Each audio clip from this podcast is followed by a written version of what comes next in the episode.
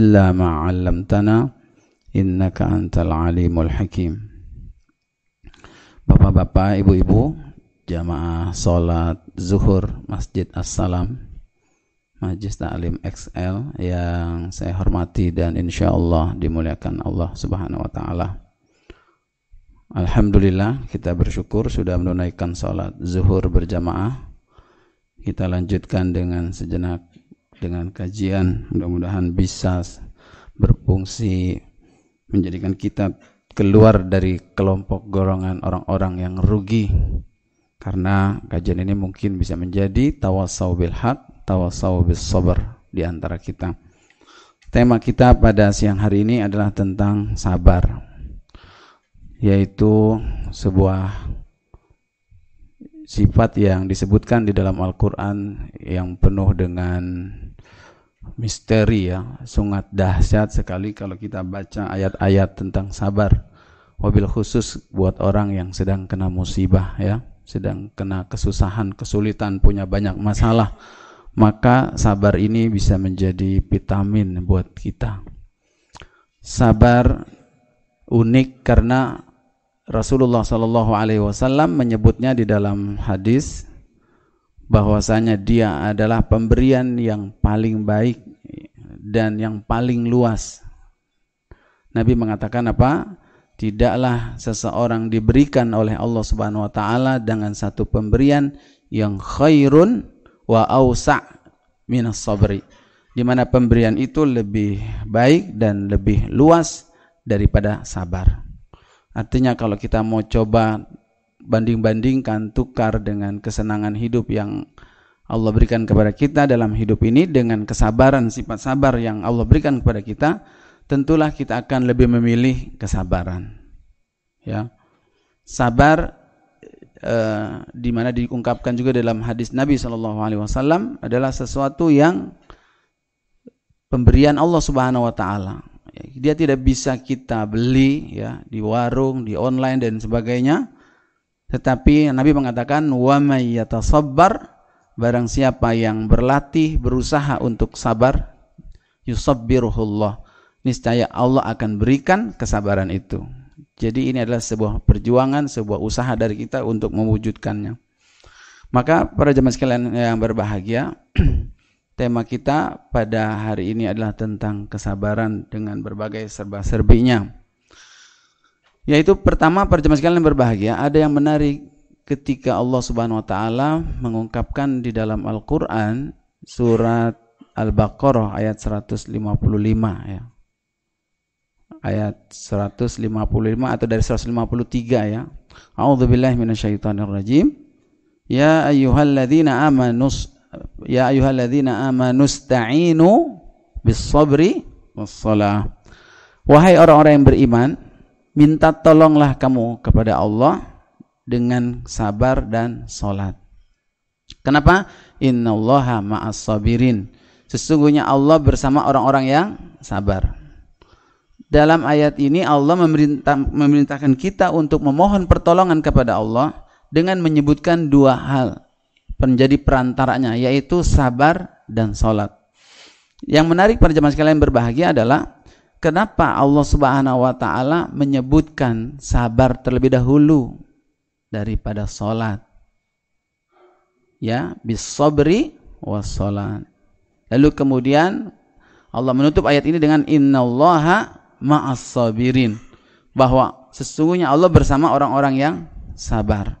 Kenapa sesungguhnya Allah tidak mengatakan sesungguhnya Allah bersama orang-orang yang salat? Tetapi Allah bersama orang-orang yang sabar. Maka para jamaah sekalian yang berbahagia, ayat ini menjelaskan bahwa ini adalah sabar ini baru diletakkan oleh Allah di awal karena kata Syekh Utsaimin rahimahullahu taala bahwa sabar ini adalah sifatnya lebih luas daripada salat. Artinya apa maksudnya para jamaah sekalian berbahagia? Bahwa siapa yang Allah berikan kesabaran, maka dia pasti bisa salat. Ya. Karena salat pun butuh kesabaran. Maka Allah mendahulukan kesabaran. Banyak orang yang bisa sholat, tetapi sedikit orang yang bisa sabar. Maka Allah mengedepankan sabar daripada sholat. Maka para jemaah sekalian yang berbahagia, bagaimana cara mengukur bahwa diri kita ini sudah punya sabar atau belum? Bagaimana cara mengukurnya? Maka Allah Subhanahu wa taala melanjutkan pada ayat 155-nya. Ternyata sabar itu baru kita akan dapatkan ketika kita sedang ditimpa ujian, musibah oleh Allah Subhanahu wa taala. Nah, Allah mengatakan, A'udzubillahi minasyaitonirrajim, "Wala nabluwannakum bisyai'im minal khawfi wal ju'i wa naqsim minal amwali wal anfusi wal thamarat wa basyiris sabirin. Jadi terkadang perjamaah sekalian berbahagia, orang itu baru mengetahui makna sabar secara praktek. Mungkin selama ini kita mungkin ada yang baru memahami sabar secara secara teori. Tetapi baru dia memahami makna sabar itu adalah ketika Allah timpakan ujian kepada dia. Ya, bahwasanya Allah menguji kita dengan rasa takut, dengan rasa lapar, kurang harta, kurang buah, ya. Kesehatan kita terganggu, maka saat itu orang baru tahu makna sabar. Ketika dokter sudah memvonis bahwasanya Anda terkena penyakit yang kronis yang sudah sampai stadium 4 dan usia Anda mungkin tinggal menghitung hari. Nah, bagi orang tersebut tuh baru mengerti makna sabar. Ini saat ini pada sehat-sehat semua kan Pak?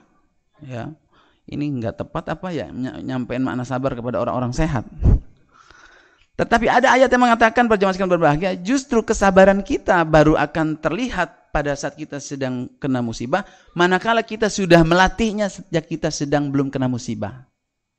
Pada saat kita sedang sedang sehat, kita sudah mengkondisikannya. Sebab Allah mengatakan di antara ayat yang Allah sampaikan, bahwasanya di antara manusia ada yang orang yang ketika kami berikan kepada mereka itu nikmat thumma naza'naha setelah nikmat itu diberikan kepada seseorang kemudian dicabut nikmat tersebut fa innal insana kafur maka ada orang yang sampai menjadi tidak sang, tidak sanggup men, men, mendapatkan musibah nikmatnya dicabut oleh Allah Subhanahu wa taala sampai membuat dia berputus asa sampai membuat dia jadi akhirnya hari kufur.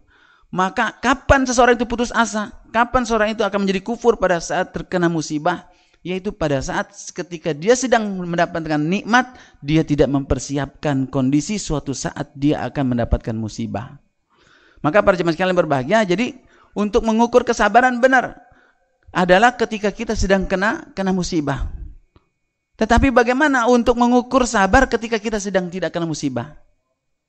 Kalau kita perhatikan ayat tersebut, Allah mengatakan apa? Wahai orang-orang yang beriman, ista'inu bis sobri wassalah. Minta tolonglah kamu kepada Allah dengan sabar dan salat.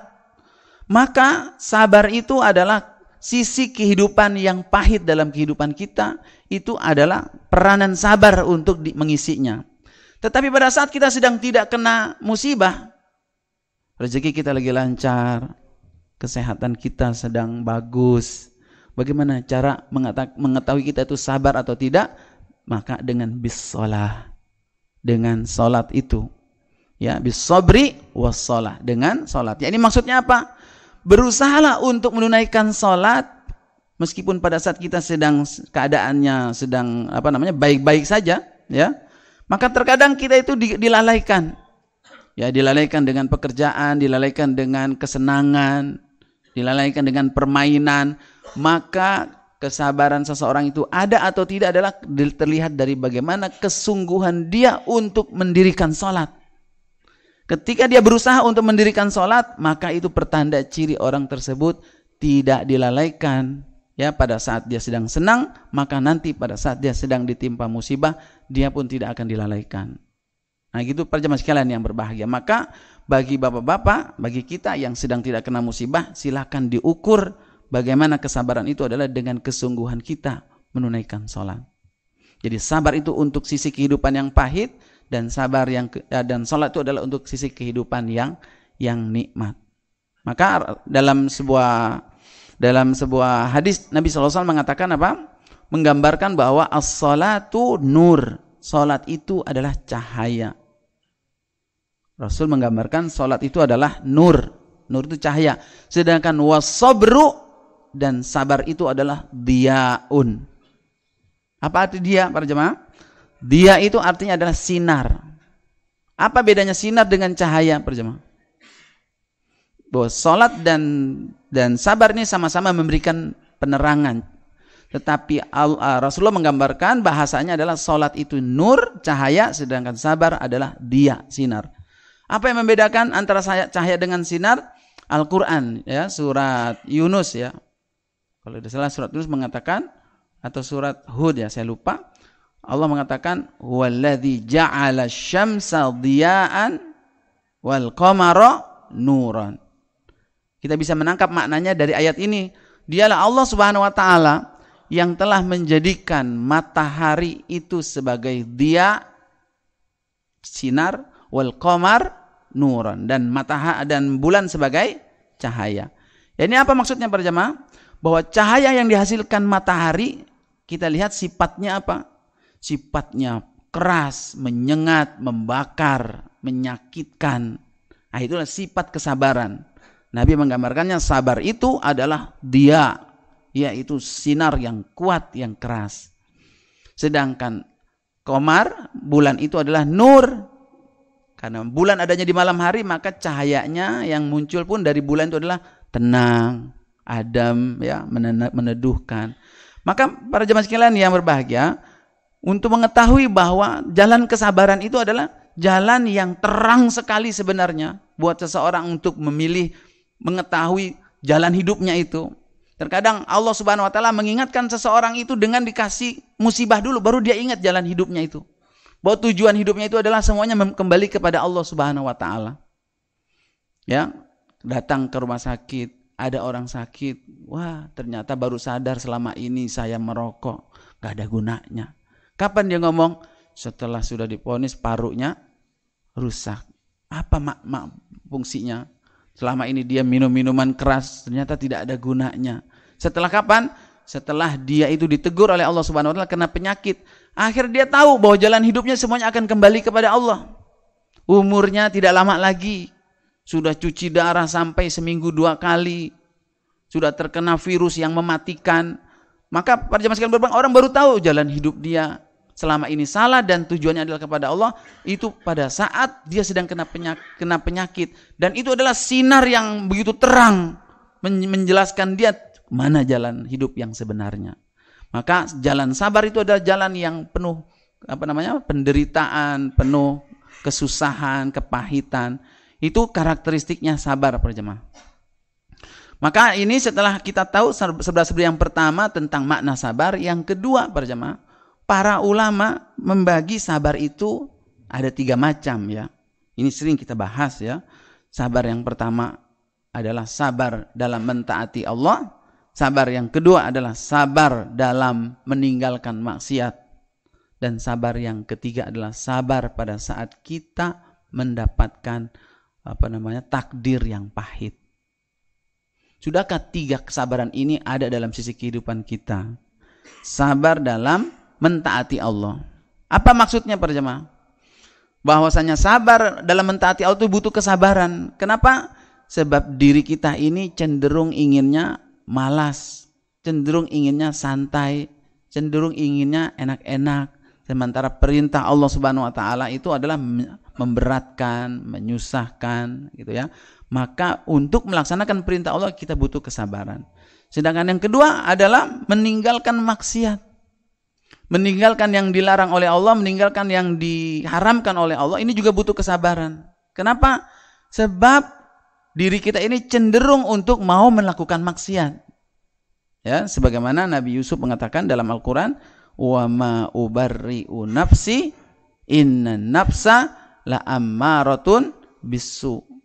Tidaklah aku bisa melepaskan diriku dari dari nafsuku.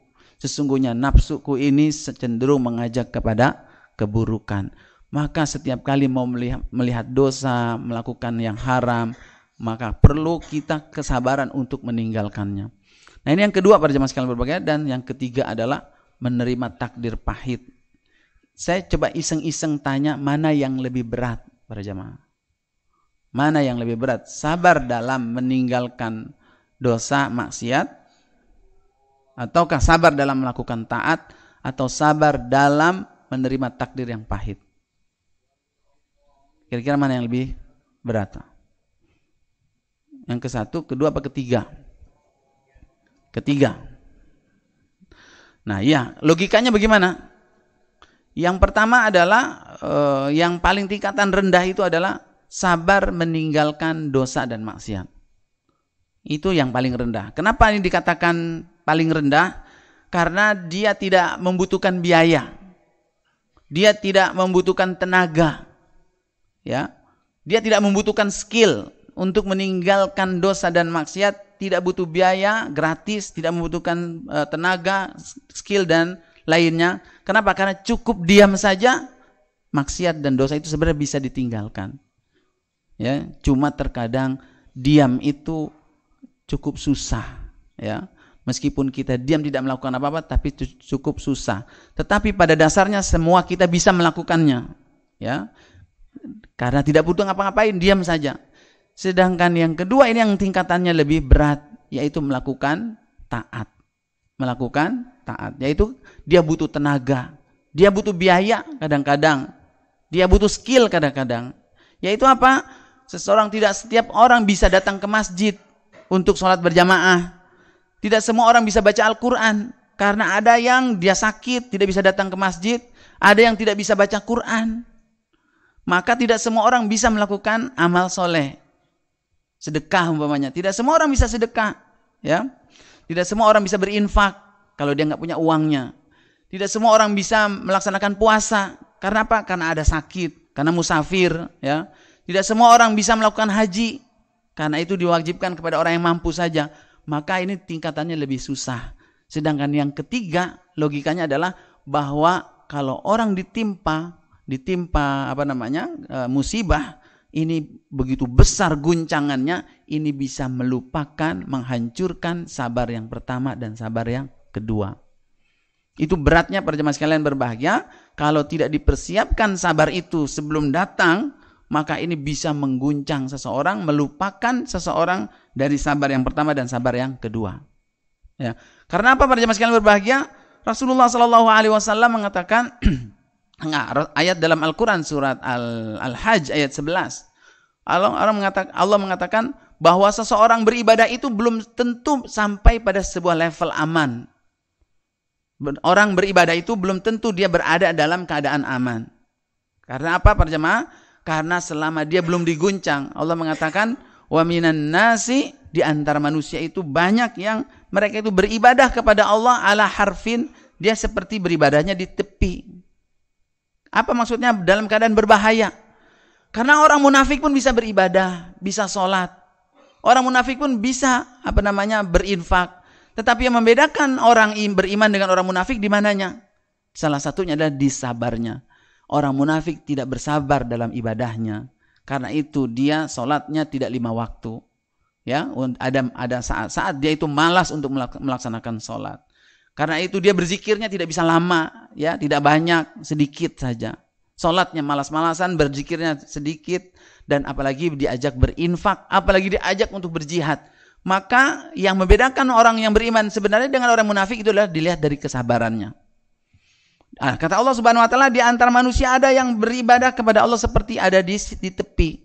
Fa in asabahu khairun kalau dia diberikan kebaikan, sehat, rezekinya lancar, tidak ada masalah, maka tidak tidak tidak ter, terganggu meskipun dia ada di tepi tapi wa in asabat hu fitnah kalau Allah guncang Allah timpakan kepada dia itu sebuah fitnah sebuah ujian maka keberadaannya di pinggir itu membahayakan khasirad dunya wal akhirah nah inilah para jemaah sekalian berbahagia bahwa ternyata sabar yang ketiga itu jika terlampau dahsyat dan kita tidak siap, itu akan bisa menghancurkan sabar kita yang pertama, yaitu meninggalkan maksiat, atau sabar kita yang kedua, melaksanakan taat.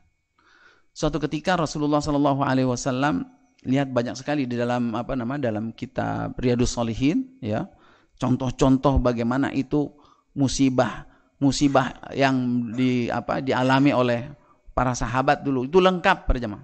Ada musibah yang menimpa orang tua ditinggal mati anaknya. Ada musibah yang eh, apa orang tua ditinggal mati oleh cucunya. Ada musibah yang menimpa seorang istri ya menimpa istri musibahnya karena suaminya. Itu lengkap perjamaah sekalian berbahagia. Contoh umpamanya uh, orang yang diuji oleh Allah Subhanahu wa taala ditinggal mati oleh uh, putranya. Satu ketika Nabi lewat di perkarangan kuburan, tiba-tiba dia mendengar ada atau dia melihat ada seorang wanita sedang menangis di, di pinggir kuburan. Maka Nabi SAW menasihati kepada wanita tersebut, ittaqillaha wasbiri. Bertakwalah kamu kepada Allah dan bersabarlah. Itu kan sudah bagus tuh Pak. Dinasehatin untuk bersabar dan bertakwa kepada Allah Subhanahu wa taala. Tetapi apa kata wanita tadi? Iya anni. Sana kamu jauh-jauh dari aku. Kenapa? Fa innaka lam tusab bi musibati. Sesungguhnya engkau tidak merasakan musibah yang menimpa aku. Iya anni. Sono kamu itu perempuan nggak tahu bahwa yang ngomong itu adalah Rasulullah. Itu kan menggambarkan bahwa perempuan tersebut sebenarnya beriman. Ini kita tahu dari mana? Begitu Nabi Shallallahu Alaihi Wasallam pergi, ternyata ada yang bilang kepada wanita tersebut, eh kamu ngomong apaan tadi? Kenapa? Tadi yang ngomong kepada kamu itu Rasulullah. Ah, yang benar itu Rasulullah. Ah, ternyata dia beriman kepada Allah Subhanahu Wa Taala, kepada Rasulnya, dan dia datang kepada ke rumah Rasulullah, minta maaf Tadi dia sudah bentak-bentak Nabi, nyuruh sana kamu jauh. Maka perjamaah sekalian berbahagia, dahsyatnya musibah yang menimpa perempuan tadi membuat dia bersedih, membuat dia menangis di tepi kuburannya dan ternyata dalam syarahnya itu bahwa wanita tersebut kuburan yang yang yang dia tangis itu adalah dia ah, kuburan anaknya. Berat perjamaah sekalian berbahagia ditinggal mati oleh anak yang kita cintai. Dan itu tidak akan pernah kita rasakan, kita bayangkan kecuali orang yang sudah merasakannya. Dan di antaranya adalah Rasulullah Sallallahu Alaihi Wasallam. Nabi Sallallahu Alaihi Wasallam punya anak berapa? Tujuh. Kapan men itu meninggalnya? Duluan anaknya atau duluan Nabi? Dari tujuh anaknya tersebut ternyata enam meninggal saat Nabi masih hidup. Jadi bagaimana itu beratnya perjamaah sekalian berbahagia, Rasulullah me me menyaksikan anaknya itu meninggal. Enam. Hanya satu yang menyaksikan wafatnya Nabi. Yaitu siapa? Fatimah. Yang menyaksikan wafatnya uh, ayahnya, yaitu Rasulullah Sallallahu Alaihi Wasallam. Maka ditinggal mati oleh anak itu adalah mengguncang besar dahsyat sekali, mengguncang iman kita. Tapi bagi orang yang sabar dia bisa bertahan. Ada yang di, di apa namanya diuji dengan ditinggal mati oleh cucunya. Ini kisah siapa Pak jemaah? Kisah Rasulullah Shallallahu Alaihi Wasallam ditinggal wafat oleh cucunya, yaitu putranya Zainab. Ya suatu ketika Nabi Shallallahu Alaihi Wasallam sedang apa namanya sedang di luar ya beberapa dengan bersama para sahabatnya tiba-tiba Zainab putri beliau mengirim ya mengutus orang meminta kepada Nabi untuk pulang. Pulang wahai Rasul. Kenapa? Ini cucunya sedang sakarat. Lalu apa kata Rasulullah? Sampaikan salamku untuk an, untuk Zainab. Sesungguhnya innalillahi ma akhaza walahu ma a'ta. Wa kullu syai'in indahu bi ajalin musamma fal tasbir fal tasbir wal tahtasib atau kama qala sallallahu alaihi wasallam Nabi mau pulang nggak pak Nabi begitu tegar sekali bilangin ke putriku kalau Allah itu berhak mengambil apa yang dia punya memberikan apa yang dia punya kalau memang sudah ajalnya toh nggak akan ke mana-mana pasti akan mati juga kalau masih hidup belum waktunya tidak akan meninggal juga suruh dia bersabar dan suruh dia untuk mengharap pahala dari Allah Subhanahu wa taala. Pulang lagi tuh utusannya. Cucunya apa? Kakeknya nggak pulang. Bisa nggak kita kayak begitu, Pak? Kita lagi meeting, tiba-tiba keluarga kita lagi ngap-ngapan, lagi sekarat. Pulang, apa terusin meetingnya. Hmm. Akhirnya di, udah sampai disampaikan ke, ke Zainab, disuruh balik lagi. Balik lagi sana. Bilang Aku meminta dengan nama Allah, bersumpah dengan nama Allah Subhanahu wa taala bahwa dia suruh pulang agar menyaksikan cucunya ini sedang sakarat. Akhirnya karena dipundang yang kedua kalinya, wah berarti serius nih. Akhirnya Nabi SAW kembali. Lagi, pulang menemui. Dan begitu sampai, diangkatlah itu uh, cucunya yang sedang sakarat, sedang tersedak-sedak.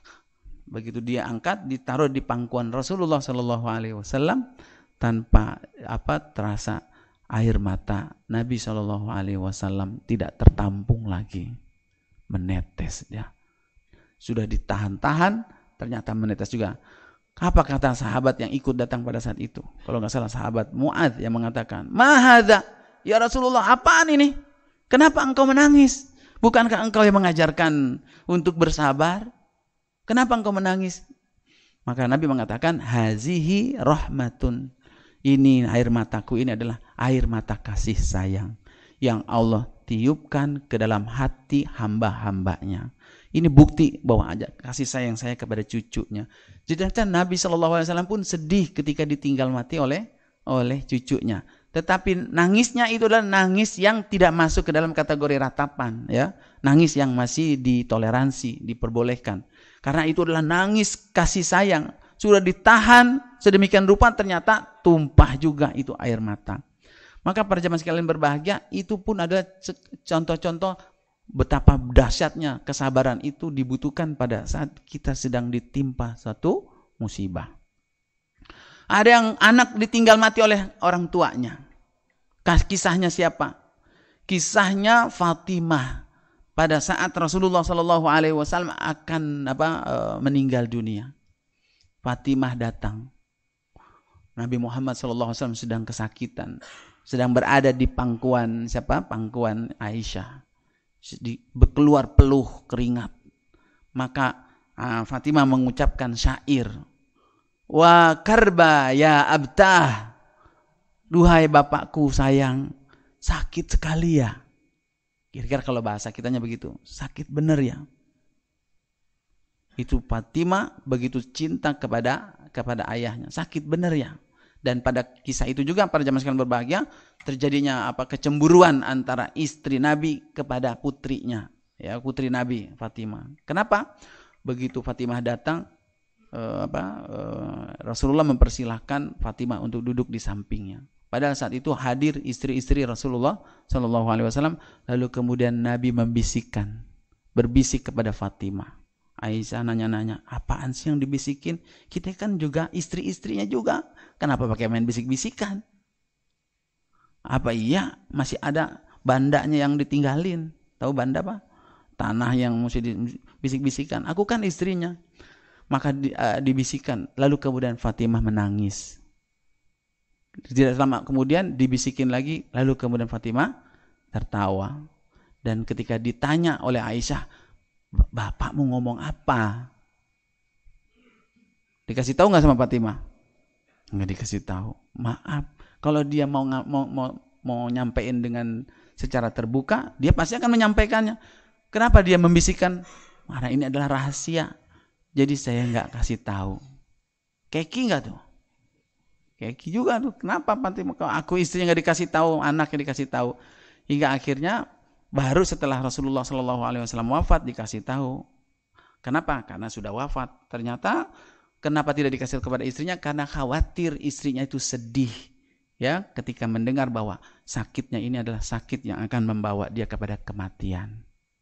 Sedangkan Fatimah sendiri juga sedih juga. Bagaimana dengan istrinya? Gitu. Nah, maka disembunyikan, dibisikkan kepada kepada uh, Fatimah. Maka pada saat itu ketika Rasulullah sedang apa namanya sedang apa meninggal dunia, ya, sedang sakarat. Wah karba ya abta, sakit sekali ya wahai bapakku. Mau diapain? Memang sakit. Tetapi apa kata bapaknya? Bapaknya justru tidak tidak apa namanya tidak mengikuti apa pertanyaan Fatimah.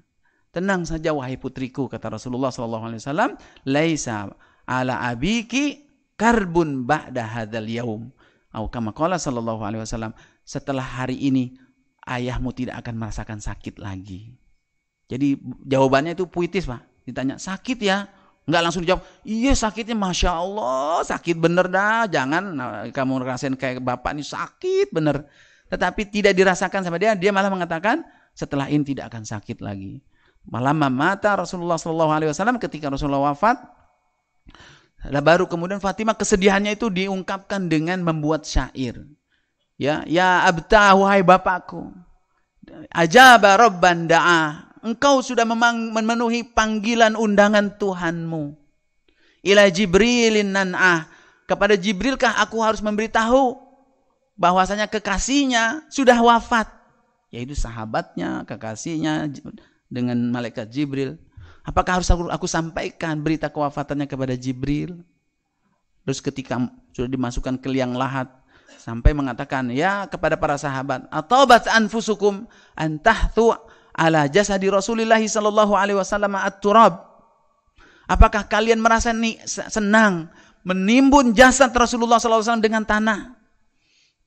Itu adalah ungkapan kesedihan tetapi juga yang tidak termasuk meratap ya, tapi kesabarannya itu apa terlihat dengan uh, Fatimah meluapkannya dengan membuat syair-syair. Ada lagi kesabaran seorang istri kepada suami. So, kesabaran seorang istri kepada suami. Kisah siapa itu para jemaah? Kisahnya yaitu Ummu Sulaim. Ya, kisahnya Ummu Sulaim. Ketika anaknya wafat, dia tahu bahwa bapak bapaknya sedang keluar rumah dan dia adalah wanita yang paham bagaimana karakter suaminya. Maka ketika anaknya wafat, suaminya sedang di luar, dia bilang kepada isi rumahnya, jangan ada yang memberitahu kepada suamiku tentang kewafatan anaknya. Biarkan aku sendiri nanti yang menceritakannya. Maka semua isi rumahnya diam. Ya. Begitu pulang ternyata hari itu Ummu Sulaim bersolek, berdandan, paling cantik tidak seperti biasanya. Memasak masakan yang paling disukai oleh suaminya. Ya.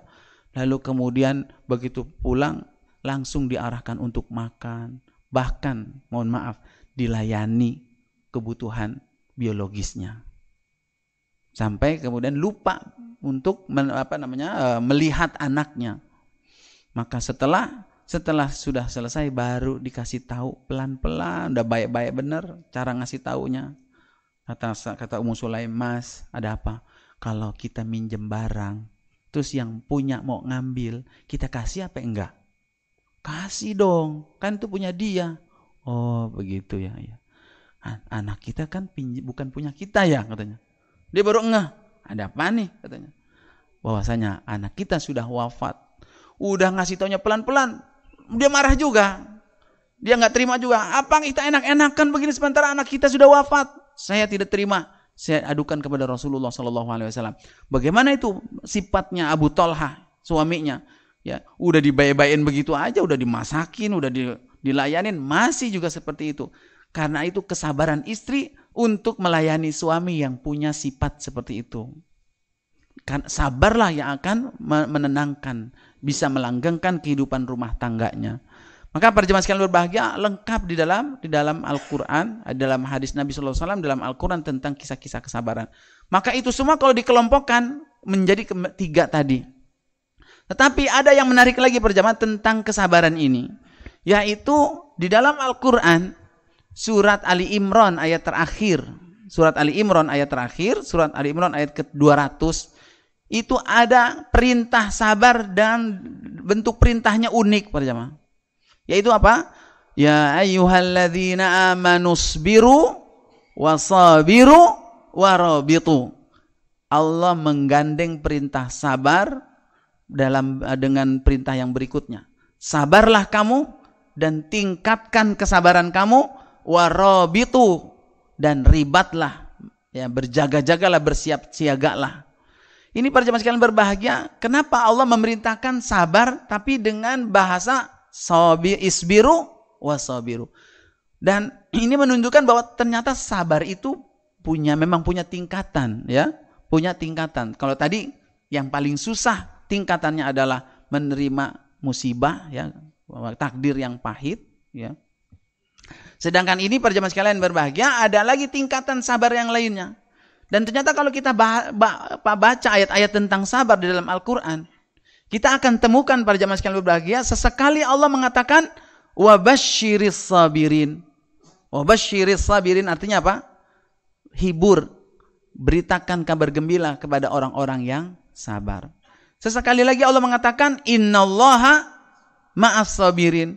Sesungguhnya Allah bersama orang yang sabar. Dan di dalam ayat lain Allah mengatakan apa? Wallahu yuhibbus sabirin dan Allah mencintai orang yang sabar. Diungkapkannya dalam beberapa ayat, dalam beberapa bentuk ini menunjukkan bahwa memang tingkatan sabar itu berbeda-beda. Mana yang lebih tinggi singkat, uh, tingkatannya para jemaah? Allah menghibur, beritakan kabar gembira buat orang yang sabar. Allah bersama orang-orang yang sabar atau Allah mencintai orang yang sabar. Mana yang lebih tinggi? Tentu makna cinta adalah jauh lebih dalam, lebih tinggi. Karena siapa yang dicintai oleh Allah Subhanahu wa taala, maka dia pasti akan bersama Allah. Siapa yang dicintai oleh Allah, pasti dia akan ditolong oleh Allah Subhanahu wa taala. Maka para jemaah sekalian berbahagia ini pun mengindikasikan bahwa sabar itu memiliki tingkatan yang lainnya dan itu terlihat dalam surat Ali Imran ayat 200. Wahai orang-orang yang beriman, isbiru bersabarlah kamu wasabiru dan tingkatkanlah kesabaran. Mana apa yang membedakan para jemaah? Isbiru sabar dengan wasabiru yakni musabarah. Ternyata dalam beberapa kitab tafsir pada zaman sekalian berbahagia ada yang mengartikan memah, apa, memah, mentafsirkan bahwa perintah sabar yang pertama isbiru itu adalah sabar ala dinikum.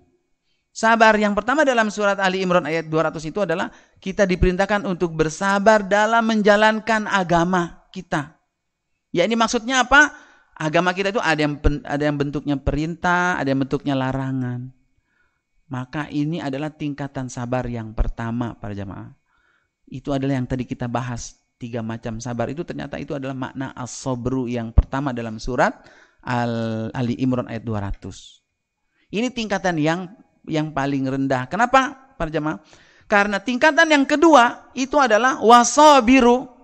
Itu adalah tingkatkan kesabaran, yakni maksudnya kesabaran ketika kita menghadapi apa musuh-musuh Islam. Ketika kita menghadapi orang yang benci sama kita, orang yang zolim sama kita, orang yang melampaui batas kepada kita. Dia salah sama kita. Kita dizolimi sama dia. Maka tingkatan kesabarannya lebih berat daripada tingkatan kesabaran yang pertama. Di mana bedanya para jemaah?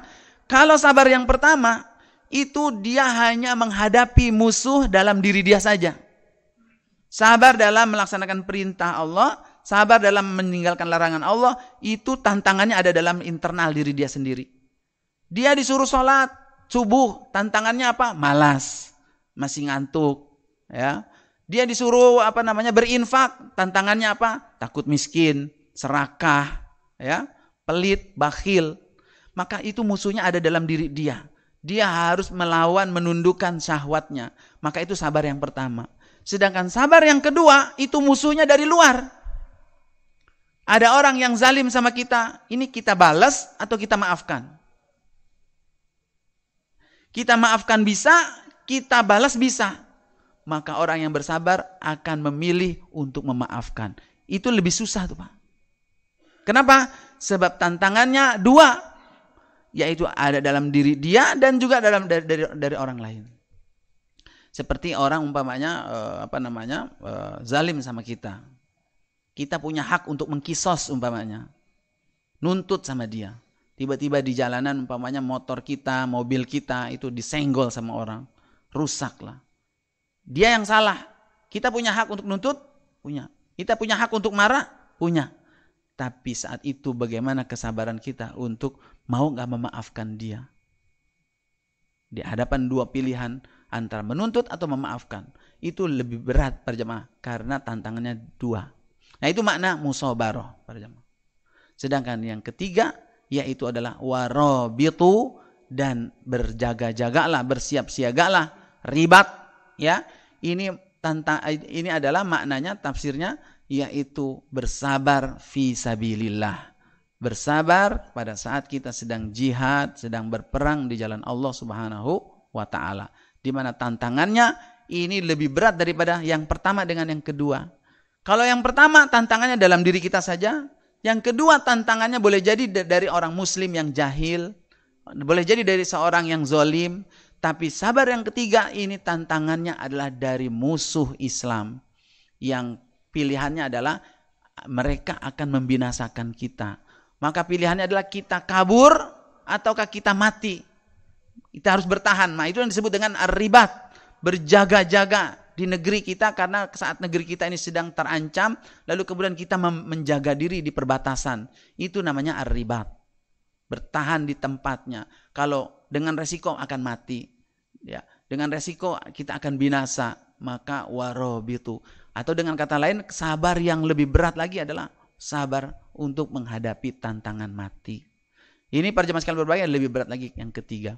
Maka ini dengan apa namanya? Dengan memahami tingkatan-tingkatan ini kita akan melihat siapakah yang paling tinggi tingkatan sabarnya. Ternyata Allah mengatakan ketika Allah mengatakan wallahu yuhibbus sabirin Ketika Allah mengatakan bahwa Allah mencintai orang-orang yang sabar, siapakah orang sabar yang dimaksud? Ketika Allah mengatakan uh, bahwasanya wala nabluwannakum bisyai'in minal khauf wal ju' itu tentu sabar yang keberapa tuh, Pak? Kami kata Allah kami akan menguji kamu dengan takut dan lapar. Itu sabar yang pertama. Sabar yang pertama yaitu takut, lapar itu adalah tantangan dalam diri kita. Maka Allah mengatakan apa? Wabashiris sabirin kita di, Allah memberikan jangan bersedih. Tetap kamu bisa berbahagia meskipun dalam keadaan sakit, dalam keadaan lapar. Wabashiri sabirin. Bergembiralah kamu orang-orang yang sabar. Siapa itu? Yang alladzina idza asabathum musibah qalu inna lillahi wa inna ilaihi rajiun. Tetapi para jamaah sekalian berbahagia ketika Allah Subhanahu wa taala berbicara uh, tentang uh, tentang apa orang-orang yang setia menemani Nabi Shallallahu Alaihi Wasallam dalam berjuang. Wa ka'ayyim min nabiyyin qatala ma'ahu ribbiyuna kasirun fama wahanu lima asabahum fi sabilillah. Surat Ali Imran. Ya, ayat berapa itu? 46 kalau tidak salah. Surat Ali Imran. Berapa banyak para nabi yang ditemani oleh pengikut-pengikut yang setianya. Mereka tidak menjadi lemah berjuang bersama Nabi karena lima asobahum fisabilillah karena luka yang mereka dapatkan wa ma do'ufu mereka tidak menjadi lemah karena jarak tempuhnya yang jauh karena panjang lama perjuangannya wa mastakanu dan mereka tidak menjadi hina di hadapan musuh wallahu yuhibbus sabirin untuk orang yang berjuang fisabilillah ini Allah lebih cintai mereka Allah mencintai orang-orang yang sabar orang-orang yang sudah sampai level dicintai ini adalah orang yang sudah terseleksi, sudah lulus pada sabar tingkatan yang pertama, lulus pada tingkatan yang kedua, sehingga dia terpilih untuk bisa diajak untuk berjuang di jalan Allah Subhanahu wa taala. Karena itu para jemaah sekalian berbahagia karena uniknya kesabaran ini tidak lama lagi kita akan menghadapi bulan Ramadan. Bulan yang memang juga secara khusus adalah bulan untuk melatih kesabaran kita. Mudah-mudahan Allah Subhanahu wa taala panjangkan usia kita bertemu kembali dengan bulan Ramadan sehingga kita bisa melaksanakan ketaatan memanfaatkan bulan Ramadan dengan sebaik-baiknya. Ini saja para jamaah sekalian sekalian berbahagia yang bisa saya sampaikan. Saya kembalikan ke bawah pembawa acara. Jazakallah khairan kasiran kepada Ustaz. Karena waktu telah menunjukkan pukul 13, mari kita tutup kajian ini dengan bersama-sama membaca doa kafaratul majelis. Subhanakallahumma bihamdika asyhadu an la ilaha illa anta astaghfiruka wa atubu ilaik. Demikian wassalamualaikum warahmatullahi wabarakatuh. Waalaikumsalam.